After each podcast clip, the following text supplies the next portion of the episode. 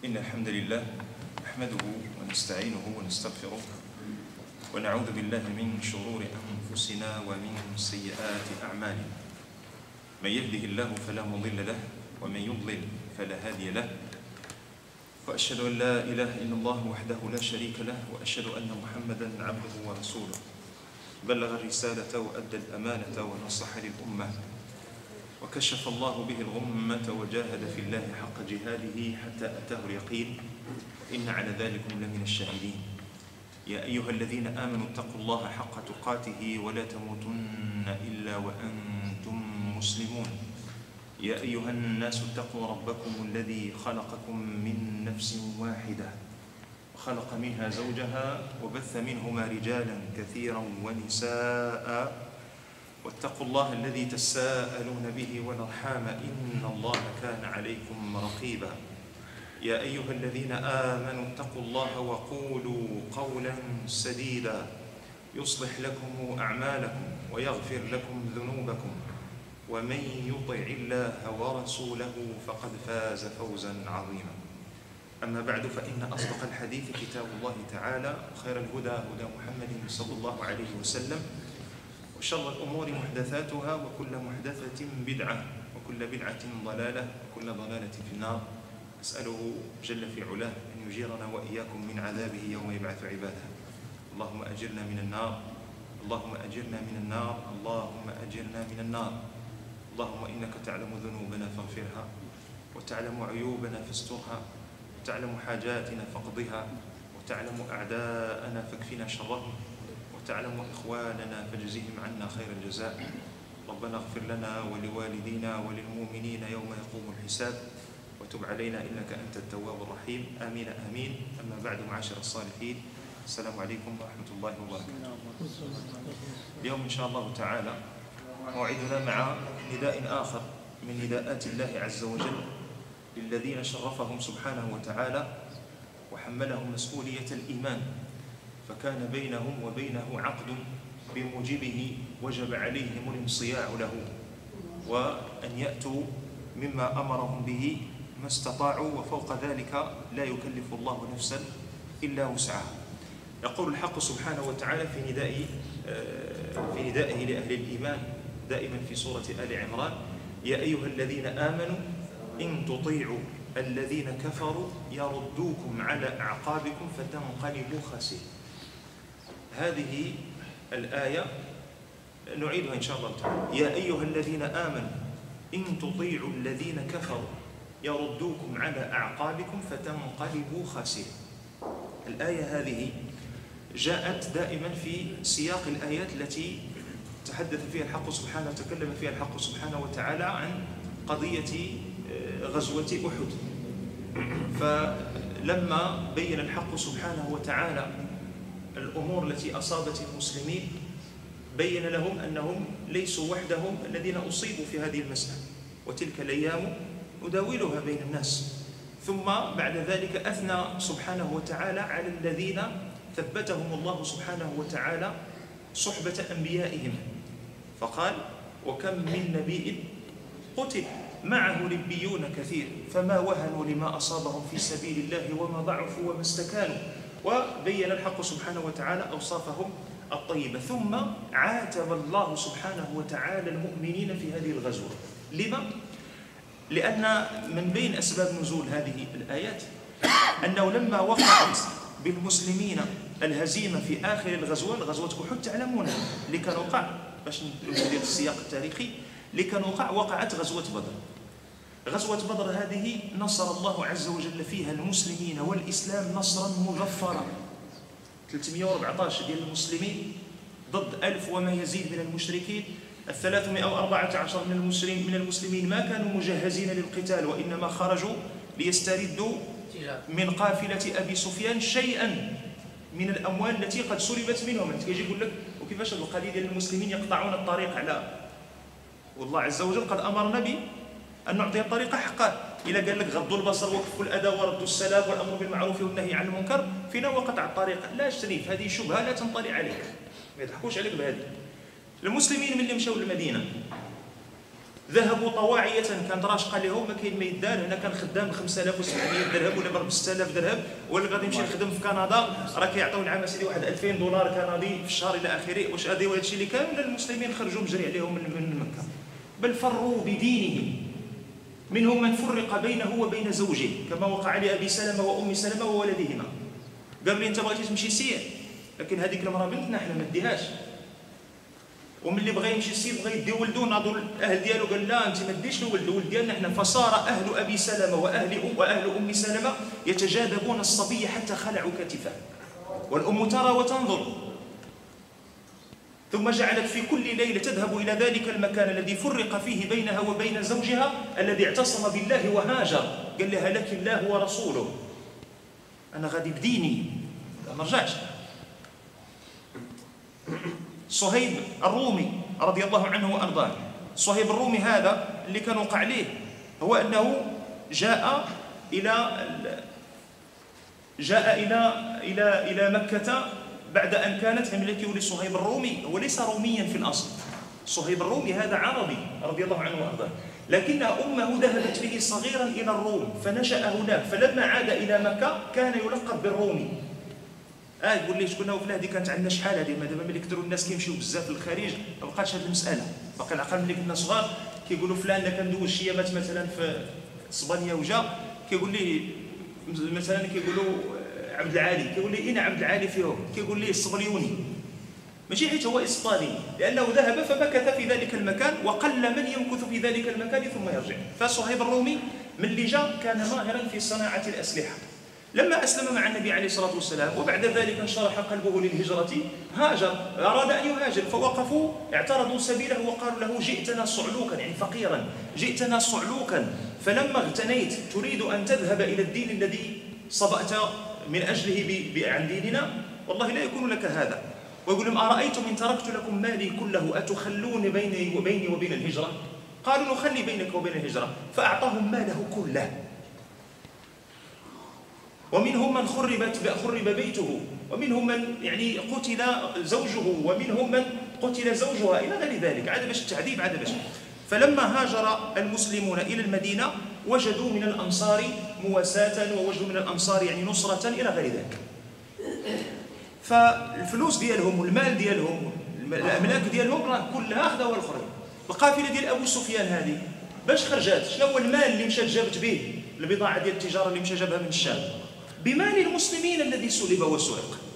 بغير وجه حق إذا هذا ليس سطوا على قافلة وإنما استرداد لشيء من حقوق المسلمين. غير شوية ما نرزقهمش أو يجيبوه فلما أرادوا اعتراض القافلة أبو سفيان ساق الأخبار هرب صافوا هما خارجين عندهم غير السلاح اللي كانوا خارجين باش يعترضوا به القافلة. الأخرين قالوا لهم حق الشياطين مشاو نفخوا لهم. قالوا لهم راه المسلمين قد خرجوا لقتالكم فاعترضوا سبيلهم فكان النصر حليف المسلمين لقد نصركم الله ببدر وأنتم أذلة. أذلة يعني لا طاقة لكم على الحرب ونصركم الله وأذلة أي قلوبكم متذللة لله سبحانه وتعالى منكسرة. على عكس ما وقع في حنين فغزوة أحد هذه المسلمون يعني كانوا مستعدين. كانوا تقريبا ألف مقاتل. احتل المعركة هو يهرب عبد الله بن أبي بن سلول رأس المنافقين وطائفة معه تقريبا كانوا قرابة 300 شخص. قال لهم إحنا ما لو علمنا قتالا ما اتبعناكم. خبرناش أنا غنتقاتلوا حنا قلنا نخرجوا نخلعوهم ونجيو لا ونبقى فيها القتال وهما يسلتوا هذو هما المنافقين. أه؟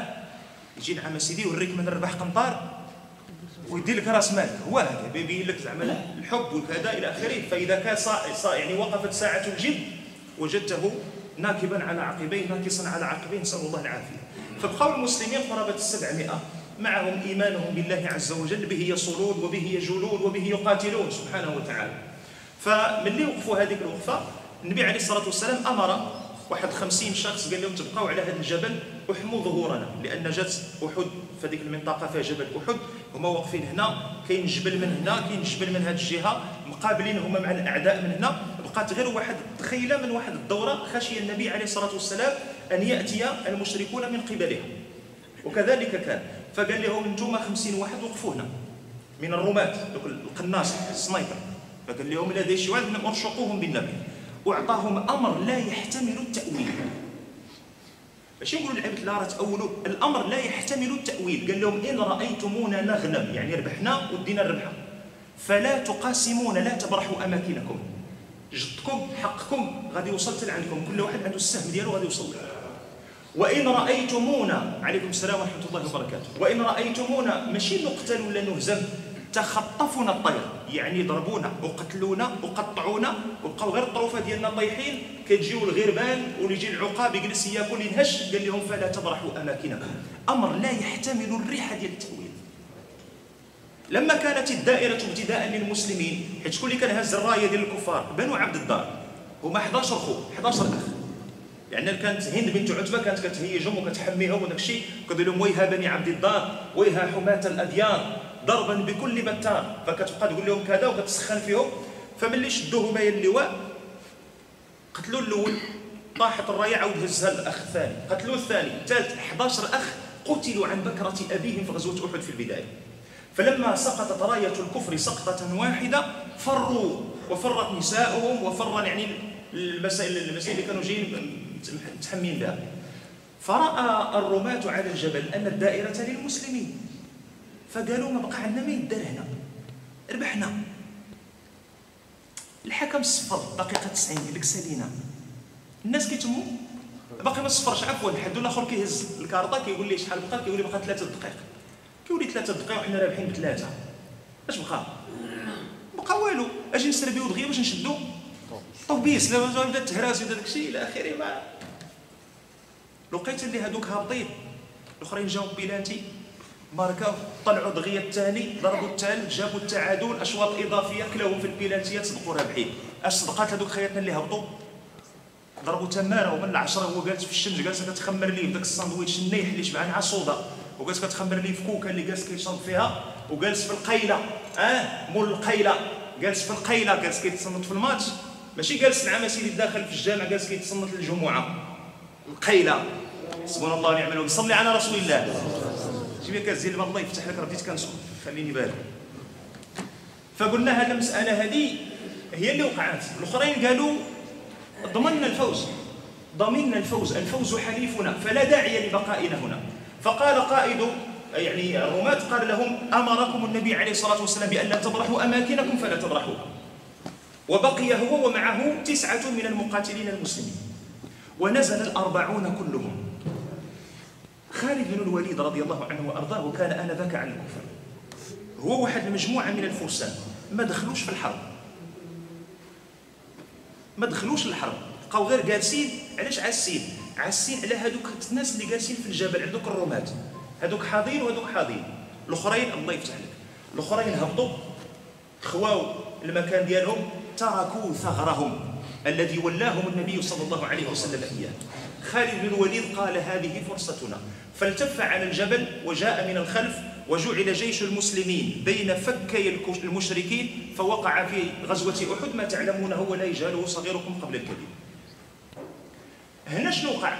عدد من المنافقين الذين كانوا بقوا في جيش المسلمين صاروا يصيحون في المسلمين ويقولون لهم ارجعوا إلى إخوانكم يعني على المشركين. وارجعوا عن دينكم فقد بطل سحر محمد عليه الصلاة والسلام. فقد بطل سحر محمد وقد نالتكم الهزيمة. ارجعوا إلى إخوانكم لعلكم ينالكم النصر. فأنزل الحق سبحانه وتعالى يا أيها الذين آمنوا إن تطيعوا الذين كفروا يردوكم على أعقابكم فتنقلبوا خاسرين. واش المسلمين يتبعوهم؟ طبعا ما تبعوهمش. مشاو معهم ما مشاوش معهم لكن الحق سبحانه وتعالى يحذر من ميل القلب إلى الشرك قبل أن يقع. لأن لما توقع في الشرك ديك الساعة كلام آخر. ديك الساعة غتولي خصك تتوب إلى الله من الشرك بأن تعود إلى الإسلام. ديك الساعة الكفر كنهضروا عليه ما بقيناش كنتفلاو. وقضية الشرك هذه من أخطر الأمور علاش؟ الله عز وجل في بداية سورة المائدة وسيأتي معنا إن شاء الله تعالى النداء. يا أيها الذين آمنوا أوفوا بالعقود. أول عقد أبرمته في الإسلام هو عقدك مع الله أن تعبده وحده ولا تشرك به شيئا. وهو العقد الذي ستسأل عنه غدا يوم القيامة. ابتداء من القبر. من ربك؟ هي الأولى. أعبدته أو وحدته أفردته بالعبادة والطاعة والإلهية. أحققت له عبوديتك في الربوبية والربوبية والألوهية. أتعبدت إليه بحسن التعبد بالأسماء والصفات. هذه الأمور كلها واش لا إذا أول وأخطر ذنب قد يقع فيه العبد هو الشرك. فحذر منه الله سبحانه وتعالى. إن تطيعوا فريقا إن تطيعوا الذين كفروا يردوكم من الردة والارتداد على أعقابكم أي على رجوعكم أي ترجعوا إلى ما كنتم عليه من الشرك قبل الإسلام. أش غادي يوقع؟ فتنقلبوا خاسرين. اش قال الله عز وجل خسر الدنيا والآخرة. ذلك هو الخسران المبين. الله المستعان. فملي قال الله سبحانه وتعالى على الشياطين شنو قال على قال قال للمسلمين قال لكم وان ولئن أطعتموهم إنكم لكافرون. فاش قالوا لهم؟ علاش كتاكلوا هذه وما كتاكلوش هذه؟ حيت قضيه قضية ديال قضية الشرك الواحد يرد شي شوية البال كيدخل فيها معلوم شرك العبادة. هذه معروفة كتعبد مع الله عز وجل. شي واحد آخر. إنسان الله يستر بحال كيف دازوا معاهم دازوا في الأقوام السابقة وباقي نيت كيطرى دابا في بعض المناطق من العالم. أنه تيمشي واحد عليكم السلام ورحمه الله فيعبد صنما. بحال مثلا الناس اللي يعبدوا البوذا ولا اللي كيعبدوا مثلا الصليب ولا يعبدوا المسيح ولا كذا عليه السلام. فهذه شرك عبادة يعبدون مع الله غيره. وهناك شرك التسوية أي أنهم يجعلون مع الله شيئا آخر. إنسان جهة منظمة يجعلون مع الله شيئا آخر يساويه في المشيئة والقدرة والحكمة إلى غير ذلك. كما قال ذلك الأعرابي لما جاء النبي عليه الصلاة والسلام وهو مسلم. قال له ما شاء الله وشئت يا محمد. ما شاء الله وشئت. آه كيقول لك جاب الله. كيقول لك الحمد لله أن الله انت درتو معنا هذه القضية هذه. لا هذا شرك تسوية. إذا خصك تنبه السيد اللي تيتكلم يقول راه الله سبحانه وتعالى اللي يسر هذا الأمر. حنا على سبب. يقول لك لا هو انت درتي الملحه في الطعام قول له ودي الله ثم أنت. فقول لي الحمد لله ثم الشكر لك أن سخرك الحق سبحانه وتعالى. قضيه شرك التسوية قال له ما شاء الله وشئت. ويقول لي النبي عليه الصلاة والسلام في حركة تبين غضبه في المسألة هذه قال له ويحك. أجعلتني لله ندا أجعلتني لله ندا يعني درتني سوي مع الله عز وجل؟ بل قل ما شاء الله وحده. وجاء في رواية أخرى بل قل ما شاء الله ثم. شئت باش يبين لي هذيك ثم التي تدل على الدنيا والتراخي. كاين عندنا شرك آخر وهذا مما ابتلي به عدد من المسلمين في هذا الزمن هذا بزاف. وهو شرك الطاعة. شنو هو شرك الطاعة؟ شرك الطاعة هو أنه اللي كنتكلموا عليه هنا. يا أيها الذين آمنوا إن تطيعوا الذين كفروا. إمتى تكون عندنا الطاعة شرك. وامتى تكون عندنا الطاعة ماشي شرك. وامتى تكون عندنا الطاعة واجبة. وإن كان المطاع كافرا. ملي كتكون القضية متعلقة زيد همز بالعبادة. ياك مخلوع. القضية متعلقة بالعبادة. الرئيس ديالك في العمل. الباترون ديالك. نصراني مثلا ولا يهودي ويعطيك أوامر في العمل. التريكو خصو يخرج هكا الصباط خصو يمشي بحال هكذا القضية ديال الصباغة خصها تمشي بهذا الشكل. هذه أوامر ولا ماشي أوامر؟ وأنت وجب عليك طاعتها ولا لا. يا الذين آمنوا أوفوا بالعقول. والمسلمون عند شروطهم. أنت أديتي واحد المسألة. إذا هنا طاعته طاعتك له واجبة. علاش؟ لا تتخلص اشتريه ترى خدامين على ذلك. اليهودي ديال آه، ضرب فيه ماشي مشكل كافر ديال الخلا. لا شريك لك كافر ديال الخلا. والذي يراك من فوق سبع سماوات وقد تعاقدت معه على كذا وكذا من الساعات في العمل يوميا. وأنا غتخرج ليه كذا وكذا ديال البياس وأنا غدير ليه كذا وكذا. وقال لك أن هذه السيارة هذه السيارة ديال العمل فقط. وانت كتمشي كتخرج بها المراه تهبطها هي والدراري العين قديدة وعاد كتمشي تقضي الغرض ديالك وتا كتسالي في العشية وكتم غادي هاز المراه والدراري والرملة وتقول حق قال راه ماشي مشكل راه كاين داك اللي كيدير لنا لافاج في الخدمة. ياكس. باش من باش من باش من عرف باش من قانون باش من باش من دين درتي انت هذه المسألة. إذا طاعته في الحالة هذه واجبة لأن هذا من باب التعاقد. وقد تكون الطاعة مباحة. مثلا إنسان هو غير مسلم وغادي دايز مثلا في عين ديالو مع السبعة الصباح مع السبعة الصباح. حتى كاين اللي كدا عين ديالو بدا كيحضر راسو مال عين ديال بحرام راه اللي كيديروا المساخيط في عين ديال اللي حرام ما عين ديال راه خلق الله هذاك راه البحر هذاك نتكشفوا الفقيه ولا ما نعوموش في البحر؟ لا مع راسه هذا ما يحبسنا حد. آه. ما يحبسنا حد. ولكن داكشي اللي كيديروه الناس من ممارسات لا اخلاقيه وعري وسفور هو اللي كيخلي المسلم ينأى بنفسه أنه يمشي يجمع في شي مناطق من هذاك الشيء. هادشي اللي كاين اما القضية ما فيهاش خلق الله ليس بحرام.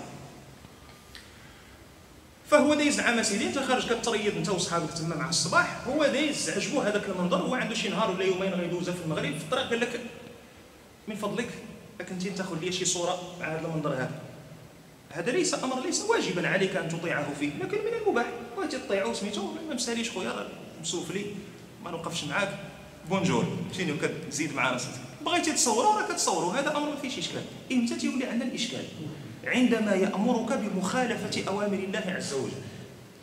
باترون خدام معاه راسو لحي هاد الساعة حنا مزيانين كيقول لي خدم هذه كنخدمها ليه. ولكن ملي ال patron يقول لي لا شفتك تتصلي. غنجري عليك من الخدمة. حنا ولينا في المشاكل. حيت كاين أمر الله عز وجل وكاين الأمر ديال ال patron الأمر ديال الله فيه جنة ونار. أمر ديال ال patron فيه خدام وتشوميرة. نكونوا واقعيين شي شوية؟ هي اللي واعره النار ديال جهنم ولا التشوميره وإن هي اللي أفضل الجنة ولا الخدمة؟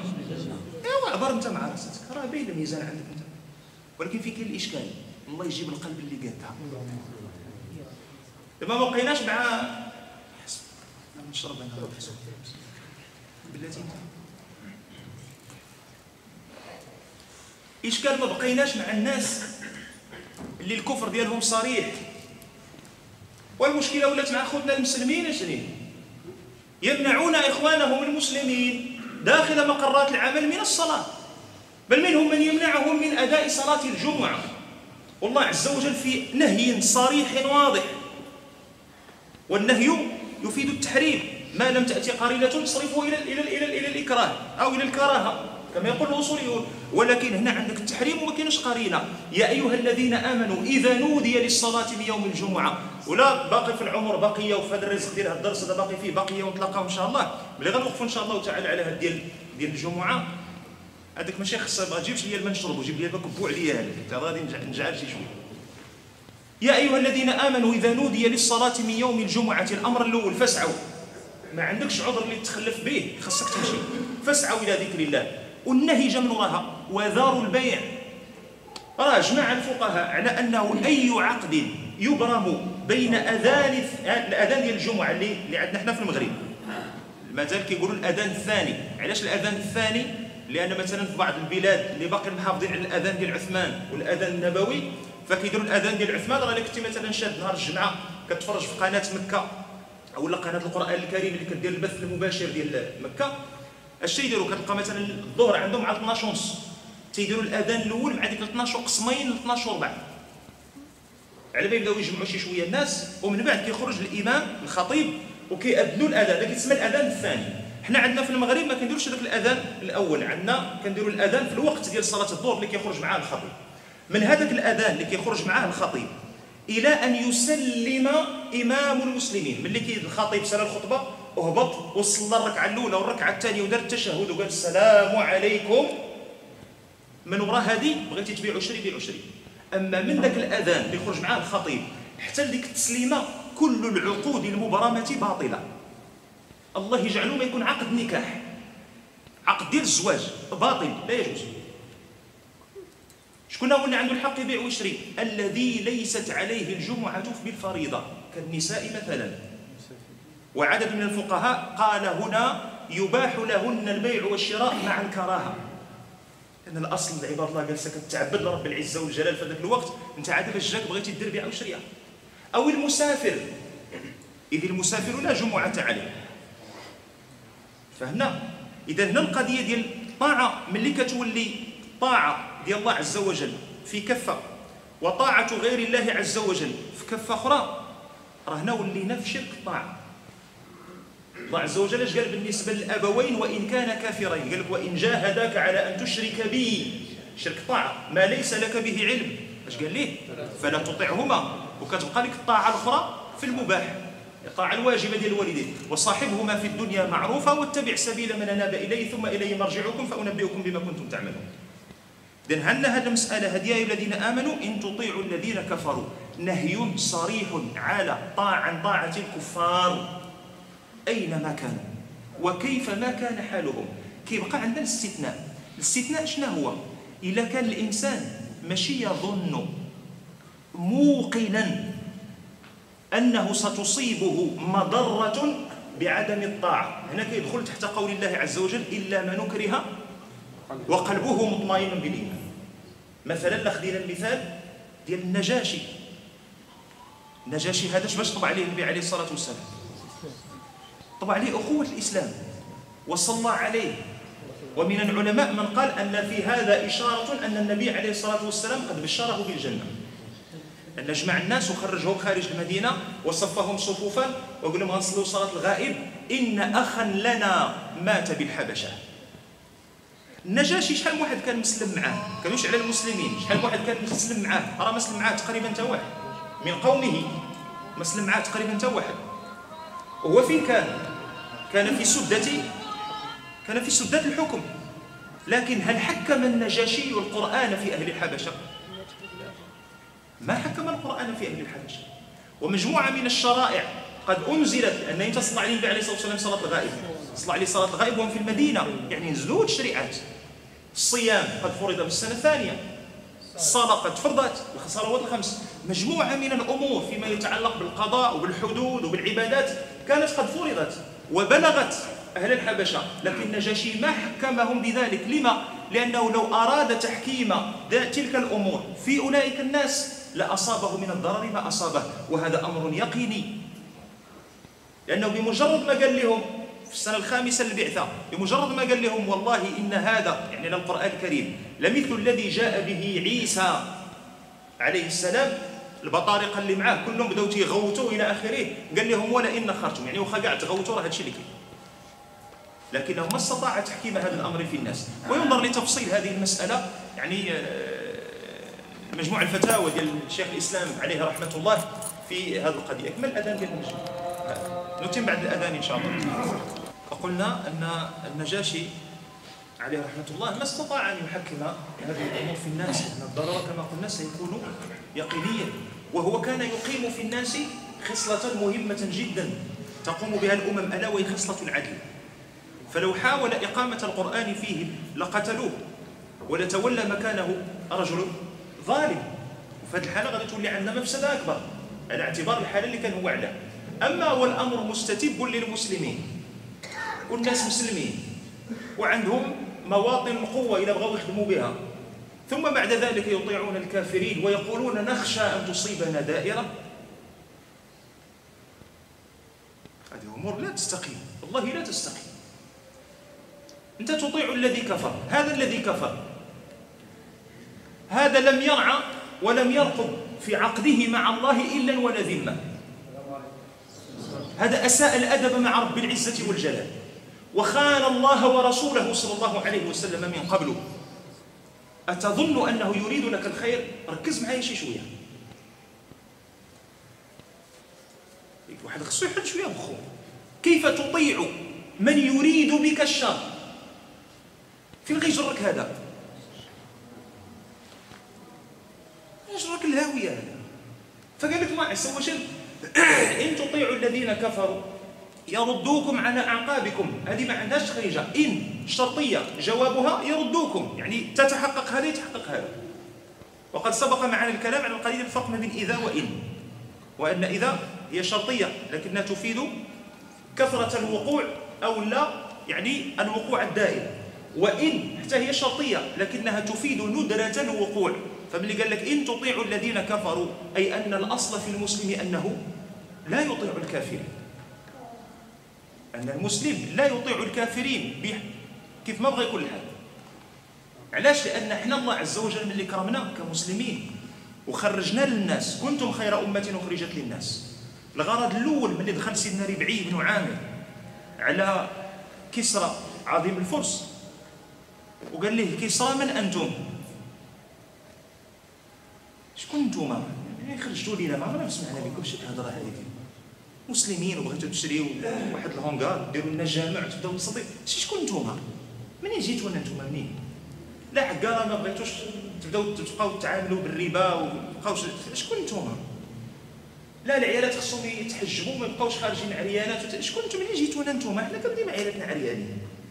وكنا ديما كنتعاملوا بالربا وكنا ديما كنشربوا الخمور وكنا ديما اللي بغى يدير شي حاجة تيديرها. وكان ديما عندنا الأعمال قوم لوط وعندنا السحاقية وبعد شي منين جيتوا شكون أنتم ربعي بن عامر أجابه بحسب الحال الذي وجده عليه. وجد الناس يتبهرجون له ويتعاملون معه على أنه إله. ويقول لي نحن قوم ابتعثنا الله. أول حاجة ماشي إحنا اللي جيناك سيدي ربي اللي صيفنا. نحن قوم ابتعثنا الله. لنخرج العباد. هذو اللي جالس انت جالس كتكرفس عليهم. من عبادة العباد هو يدق عليه. لعبادة إلى عبادة رب العباد. هذه ياخذ منها. ومن جور الأديان الظلم اللي جالس كتمارس انت على الناس إلى عدل الإسلام. أنت وآخر واحد في المجتمع ديالك إذا وقفت قدام القضاء وكان الحق مع هذاك الضعيف القضاء يقتص من القوي للضعيف. هذا هو الإسلام ديالنا. أحنا شكون؟ إحنا بغيتي تعرفنا شكون. إحنا ومن جور الأديان إلى عدل الإسلام. ولاش مضاربين نتوما كاع على سبعة ريال ديال الدنيا؟ ومن ضيق الدنيا إلى سعة الدنيا والآخرة. ما يحرم عليك الإسلام دنيا؟ ما دام اكتسبتها من حلال وأنفقتها في حقها ما يحرمها عليك حق سبحانه وتعالى ديالك. سيدنا عبد الله بن عباس اش كان تيقول؟ البس ما شئت وكل ما شئت ما أخطأك ما أخطأتك خصلتان صرف ومخيلة. الصرف والاسراف في غير ما يرضي الله عز وجل. والمخيلة هو التكبر على الناس. وهذا الشيء اللي مضاربين عليه عباد الله في الدنيا كلها. فقال سبحانه وتعالى إن تطيعوا الذين كفروا يردوكم على أعقابكم فتنقلبوا خاسرين. واش غنديروا سيدي ربي؟ هذوك راه عندهم العدة والعتاد وكذا فين غنمشيو؟ فسلى قلبك بالتي بعدها مباشرة. أنت علاش مضارب في الدنيا؟ إما على جلب مصلحة وإما على دفع مفسدة. هادشي اللي أنت كتجيب شي حاجة باغيها وتتلوح شي حاجة خايف منها. قال لك الله عز وجل بل الله مولاكم وهو خير الناصر المولى والناصر. المولى هو الذي تستعين به لجلب النفع. والناصر هو الذي تستعين به لدفع الضر. وقد يكون استقواؤك بشخص أو بهيئة أو بجيش أو بمنظمة هذا الاستقواء يعني طلب القوة قد يكون استقواؤك من أجل ظلم شخص. فهذه الحالة ما كتسماش الاستنصار. هذا كيتسمى الاستقواء استقوي به. ويكون الاستقواء قد يحمل مذمة وقد يحمل محمدة. لكن الاستنصار أي طلب النصر هذا لا يكون إلا لطلب المحمدة. هذاك الشيء النبي عليه الصلاة والسلام؟ حدد لنا المعيار ديال النصر والمناصرة. هو يقول لك انصر أخاك زيد سيدي ظالما أو مظلوما. الصحابه الصحابة قالوا واخا ظالما مظلوما فهمناها. ويقول له رجل قال يا رسول الله. ننصره مظلوما. هذا علمنا. واحد جاي مظلوم وتنصره لتعطي تأخذ له حقه. هذه مفهومة. لكن ننصره ظالما. ويقول ليه تنصره ظالما بأن تأخذ على يده فتكفه عن الظلم. فذلك نصر الولية شنو ينصر أخاك ظالما أو مظلوما؟ هذه راه كانوا تقولها العرب ما النبي عليه الصلاة والسلام. لكن كيفاش كيستعملوها؟ انصر أخاك ظالما أو مظلوما. كيقول لك أنا لابان لي شي ولد دربنا نضارب ما كنسولش شكون. كنجي كنتلاح كنضرب ومن بعد كنبدا نسول. هذا منطق. هذا هو منطق الجاهلية قبل الإسلام. هذا هو منطق الجاهلية. هذا كيبان طول من الشرجم؟ تيبان لي خويا مضارب مع واحد. كنهبط بالعصا ديال الكراط تدخل لي في راسو ومن بعد ملي كيبرد كنجلسو نتناقشوا ولا كان خويا غلط نقدر نقول لي اسمح لي. يعني غيبدا يدوي معايا والعصا في راسو. فهمتي؟ باقي شد معايا السي باقي العصا في راسي. هذا منطق الجاهلية. النبي عليه الصلاة والسلام اش قال؟ قال لك انصر أخاك ظالما أو مظلوما. اللفظه هي هي ما بدلهاش اللي بدل لها النبي عليه الصلاة والسلام بدل لها المعنى. اللي بدلها اللي بدليها بدليها المعنى. وهذا هو اللي تيهمنا لأن الالقاب والاسماء ما تتهمناش بزاف. أنا كتهمنا المعاني. قال لي انصر أخاك مظلوما. خوك مظلوم كتمشي تجبد ليه الحق ديالو كتعاون معاه. خوك الا بان لك غادي يظلم. تتشد ليه يدو كتقول ليه اتق الله هذا الشيء اللي كدير فيه راه ظلم هذا. تاكل الناس رزقها هذا ظلم. ما عندكش الحق أشري. لا ولكن كذا وزعما راه عيطنا لك وانت خونا. أي أنا خوك على الراس والعين. لكن لا أنا أخوك على الرأس والعين. ولكن من باب الأخوة أن أنصحك. وهذا هو حقيقة المحبة في الله. هي اللي قال الله عز وجل في الآية التي السوره التي قرأها علينا. أنا ندوزو عاوتاني الامتحان ديال شكون صلى المغرب. سيدة سي وتسناو عاوتاني تيجيب وفينا وما بانش ليا. يقدر يكون جالس في بلاصة. السيمانه اللي فاتت عتقكم قال لكم سوره المؤمنون. الركعة الثانية فيها؟ الله يفتح. ولا باس هو اعتقكم هذه المرة. والعصر إن الإنسان لفي خسر. إلا الذين آمنوا وعملوا الصالحات. زين وتواصوا بالحق وتواصوا بالصبر. هي هذه. انصر أخاك ظالما أو مظلوما. فقال الله سبحانه وتعالى بل الله مولاكم. بل الله مولاكم وهو خير الناصرين. قد تسألون النصر عند أشخاص. وقد يأتي النصر قد احتمال وقد تسألون النصر عند جيوش وعند منظمات وعند هيئات وعند تحالفات دولية قد يأتي النصر. لكن قد يأتي النصر وتعقبه بعد ذلك مندمة شديدة لأن الثمن اللي غادي تخلصوا والله لم يكن بالحسبان. ألم يستعن الخليفة العباسي بجيش التتار على إخوانه من المسلمين فقتل التتار المسلمين. ثم بعد ذلك عدوا على الخليفة العباسي فقتلوه أيضا. ألم يستعد عدد من ملوك الطوائف واستعانوا بالصليبيين من إسبان وفرنسيين على إخوانهم المسلمين حتى يثبتوا على عروش زائلة؟ فلما عدا الصليبيون على المسلمين الأوائل قتلوهم ثم أتموا البقية بالذين استنصروا بهم. ثم كان الخزي والمذلة والطرد سنة 1492 ميلادية من غرناطة. آخر معقل لمعاقل المسلمين.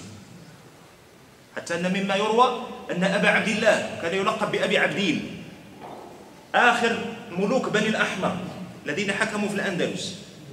لما أراد الخروج خرج من قصر الحمراء ووقف على كدية من الكدى مقابلة لقصر الحمراء. وهذه الكدية الآن في إسبانيا في غرناطة. من أفضل الأماكن إن أردت أن تعمل مشروع أن تنشئ مشروعا سياحيا. لكنهم تركوها فارغة هكذا. يقولون هذه كدية الموريسكي كدية العربي. حتى يتذكروا أن العرب المسلمين كانوا هنا فلا يرجعوا إليها بعد ذلك أبدا. الناس ما كتنساش تاريخ هاشري. سميتها la vallée du Maure وادي الموريسكي فلما التفت ونظر إلى قصر الحمراء ذرف دمعا. فقالت له أمه ابكي مثل النساء. ابكي مثل النساء على ملك لم تحمه مثل الرجال. شو على طباق هذا في الكلام؟ عنده شحال شحال جميل. قالت لي ابكي مثل النساء. على ملك لم تحمه مثل الرجال. السبب ديال هادشي شنو يستعدي المسلمون على المسلمين بالكفار. علاش؟ لأنه يظنون أن النصر عندهم. الله عز وجل قال لك بل الله مولاكم أفضل من تستعينون به. هو الحق سبحانه وتعالى. وهو خير الناصرين. لأن نصره لكم فيه العاقبة لكم في الدنيا قبل الآخرة. أما نصر غير المسلمين لكم فيه تشتيت للمسلمين الآن وبعد ذلك. ثم قال سبحانه وتعالى شنو اللي خوفكم الذين كفروا سنلقي في قلوب الذين كفروا الرعب. واشتهر من بعد عرف الله عز وجل سيلقي في قلوب الذين كفروا الرعب؟ لا الذين في قلوبهم الكفر لعمر قلبهم بالكفر راه مملوء بالرعب. ديما الكافر يعيش في رعب. غير هو الرعب مثله مثل الشجاعة كما ذكر صاحب التحرير والتنوير. قال لك الرعب بحاله بحال الشجاعة من الخصال التي لها مواطن تظهر فيها ثم بعد ذلك تخبو وترجع إلى القلب كما كانت حيت شنو كان وقع هنا؟ اللي وقع أنهم خافوا المسلمين لا هذوك اللي مشاو من الكفار في أحد خافوا لا يرجعوا لهم وفعلا الكفار غير لقاوها السبة وتموالين كيجريو راه كانت فيهم الخلعة. فقالوا لولا رجعنا إليهم فاستأصلنا شأفتهم لكن تملكهم الرعب. ثم صار بعضهم ينصح بعضا بالانصراف ثم انصرفوا إلى مكة. وذهب النبي عليه الصلاة والسلام ومعه المسلمون على ما فيهم من الجراح. كان أحدهم يحمل أخاه حتى إذا تعب ينزل ويحمل المحمول الحامل وتهزو كيمشي وكلهم مثخونون بالجراح. الذين استجابوا لله والرسول من بعد ما أصابهم القرح. كانوا مكرفصين لكنهم استجابوا لأمر الله عز وجل. ولأمر رسوله عليه الصلاة والسلام. فمن استجبوا مشاو وقفوا في مكان يقال له حمراء الأسد. وقال لهم إذا كنتم مازال باقي فيكم ما يتضارب اجيو عندنا هذول المسلمين اللي مضروبين. كيعيطوا على الآخرين بقوتهم وعدتهم وعتادهم. كانوا 3000 واحد. قال لهم لا باقي فيكم ما يتضارب اجيو لكن تملكهم الرعب الذي حكى عنه الحق سبحانه وتعالى ثم فروا. علاش الكافر ديما مخلوع؟ وهذه خذها قاعدة كتعاونك تساعدك على الحفاظ على التوحيد في قلبك. ضرب الله مثلا رجلا فيه شركاء متشاكسون. سورة الزمر. ورجلا سلما لرجل هل يستويان مثلا؟ أبدا. علاش؟ حيت هذاك الرجل الذي هو سلام لرجل تيدوي معاه واحد. راه كطرى لكم اللي كتكون عليك شي مناسبة في الدار. وكتكون كتعامل مع واحد هو اللي كيدوي معاك دير سير جي آجي كيكونش مشكل. ملي كيوليو كثرة الرايات وكثرة الدرابوات أمك تقول وبا كيقول وخوك يقول وعمك اللي حاط واحد 50 ريال حتى هو تيقول وخالك اللي جاي مدبر لكم على الباش حتى هو يقول وبنت خالتك جاية من فرنسا حتى هي اللي شارية جوج دجاجات وربع حتى هي كتقول وهذا يقول أنت اش كتروح واحد الوقيته حتى كتلقاه شاد في شي دورة وشاد راسو. كتقول لك اودي لاباس. يقول لك أخويا تلفت. هذا يقول لك جيب البوطة الآخر يقول لك ردها. هذا يقول لك حط السدارين الآخر يقول لك دير هي. هذا يقول لك كذلك الكافر. لما أشرك مع الله عز وجل غيره في محبته وتذلله وخوفه ورجائه وتوكله ورغبته ورهبته تشتتت الأوضاع عنده. فصار يطلب النصر من هذا ويخاف أن يكون الظفر لهذا. هادو شادين في الصنم وكيقول راه واقيلا الصنم الأخر اللي يقدر يغلب. شو كيمشيو الآخر يقول الآخر اللي يقدر يغلب. هذا يعيش في حالة اضطراب دائم. فداك الشيء قال الله عز وجل سنلقي في قلوب الذين كفروا الرعب. أنتم اش كان طرى لكم الاشكال اللي طرى لكم قال لك سنلقي في قلوب الذين كفروا الرعب المقابله بما أشركوا بالله ما لم ينزل به سلطانا ومأواهم النار وبئس مثوى الظالمين. ولكن الإشكال ديالكم أنتم شنو هو. وأنكم تضاربوا على الدنيا. ها اللي كيخليكم تمشيوا عند الكفار فتطيعوهم. قال سبحانه وتعالى شحال الساعة باش من جوج دقائق إن شاء الله تعالى. نقوموا نصلوا باش نحافظوا ديك 20 دقيقة اللي متفقين عليها. قال سبحانه وتعالى ولقد صدقكم الله وعده إذ تحسونهم. تحسونهم يعني تحسوا بهم. تحسونهم تؤذوهم. إيش من الإحساس؟ إن الحس الحس والإيذاء. ولقد صدقكم الله وعده إذ تحسونهم بإذنه. إذ تحسونهم بإذنه. اللي وقع حتى إذا فشلتم. زيد. وتنازعتم في الأمر. زيد. وعصيتم من بعد ما أراكم ما تحبون. ما الذي تحبون؟ تحبون النصر. قد أراكم الله عز وجل النصر في بداية المعركة. تنازعتم على أش؟ لا نهبطوا الغنائم. لا جلسوا بالتي لا نهبطوا الغنائم. لا جلسوا بالتي تنازعتم. وفشلتم فشلت القوى الإيمانية. وصعدت وغلبت عليها القوى الشهوانية. فتميتوا غادي هابطين. وعصيتم. اش قلنا في الأول؟ الأمر اللي عطاه النبي عليه الصلاة والسلام لا يحتمل لا يحتمل التأويل. وعصيتم. وهي تنزل وحده من الآيات اللي كان سيدنا عبد الله بن مسعود بحال طرشتيه باللي نزلت هذه الايه هذه قال لك منكم من يريد الدنيا ومنكم من يريد الآخرة. سيدنا عبد الله بن مسعود قال لك والله ما كنا نعلم أن أحدا منا يريد الدنيا حتى نزلت هذه الآية تنبئنا بما في قلوبنا. من الإرادة العزم. راه جالس ومعاك وفي الصف وفي الصلاة ودولك على الدين والمسخ كتر وهذا الشيء ما خصوش يكون إلى آخره. وقلبه مشرب بالدنيا لا يريد إلا إياها قضية ماشي في واحد عنده الفلوس وواحد ما عندوش الفلوس. همه الذي يحمله في قلبه شنو فيه؟ قد تجد الرجل غنيا وينفق ماله على هلكته في الحق فهو بأفضل المنازل. وتجد الرجل فقيرا معدما. ما عندوش باش ينقي سنانه كيف تنقولوا إحنا. ما عندوش حتى غير يحل في سنانه باش يقلب ما ينقيه وقلبه متطلع إلى الدنيا. فهمنا؟ قد تجد الرجل صحيحا ويستعمل صحته وقوته فيما يرضي الله.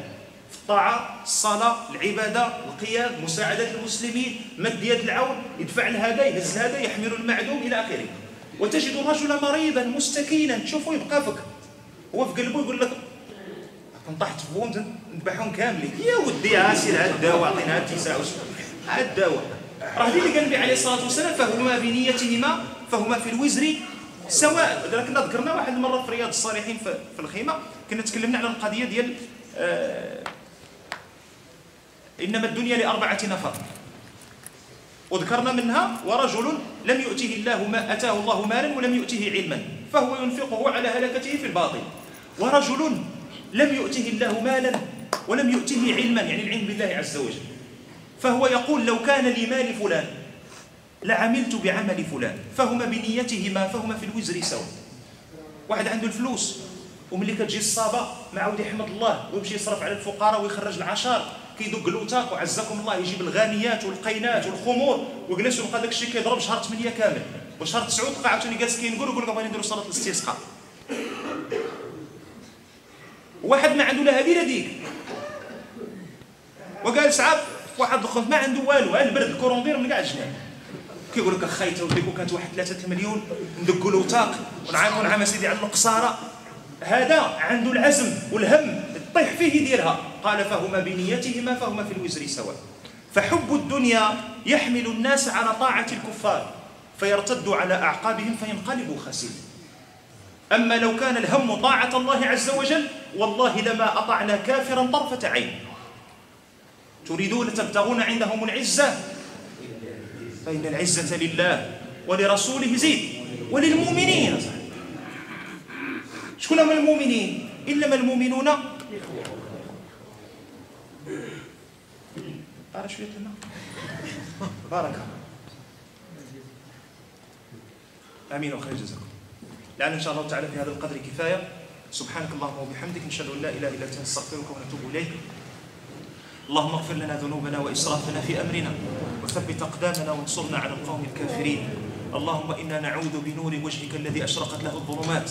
وصلح عليه أمر الدنيا والآخرة. من أن نطيع من يعصيك في معصية ولو طرفة عين. اللهم لا تسلمنا لمن لا ترضى أمره علينا يا أرحم الراحمين. اللهم ول علينا خيارنا برحمتك ولا تول علينا شرارنا بسبب ذنوبنا يا رب العالمين. اللهم ألف بين قلوب المسلمين. اللهم اجمع شملنا وحد صفنا سدد رمينا. اللهم اجمع على الحق كلمتنا. اللهم وحد كلمة يعني ولاة أمور المسلمين. اللهم اجمع كلمتهم على الحق. ووفقهم جميعا لما تحبه وترضاه. اللهم اجعل بلدنا هذا امنا امانا سخاء رخاء وسائر بلاد المسلمين. وفقنا للعمل حتى تنهض أمتنا واجعل لنا في هذه النهضة نصيبا. ولو بدعاء خالص برحمتك يا أرحم الراحمين. وصل اللهم على محمد وعلى آله وصحبه أجمعين. وآخر دعوانا أن الحمد لله رب العالمين.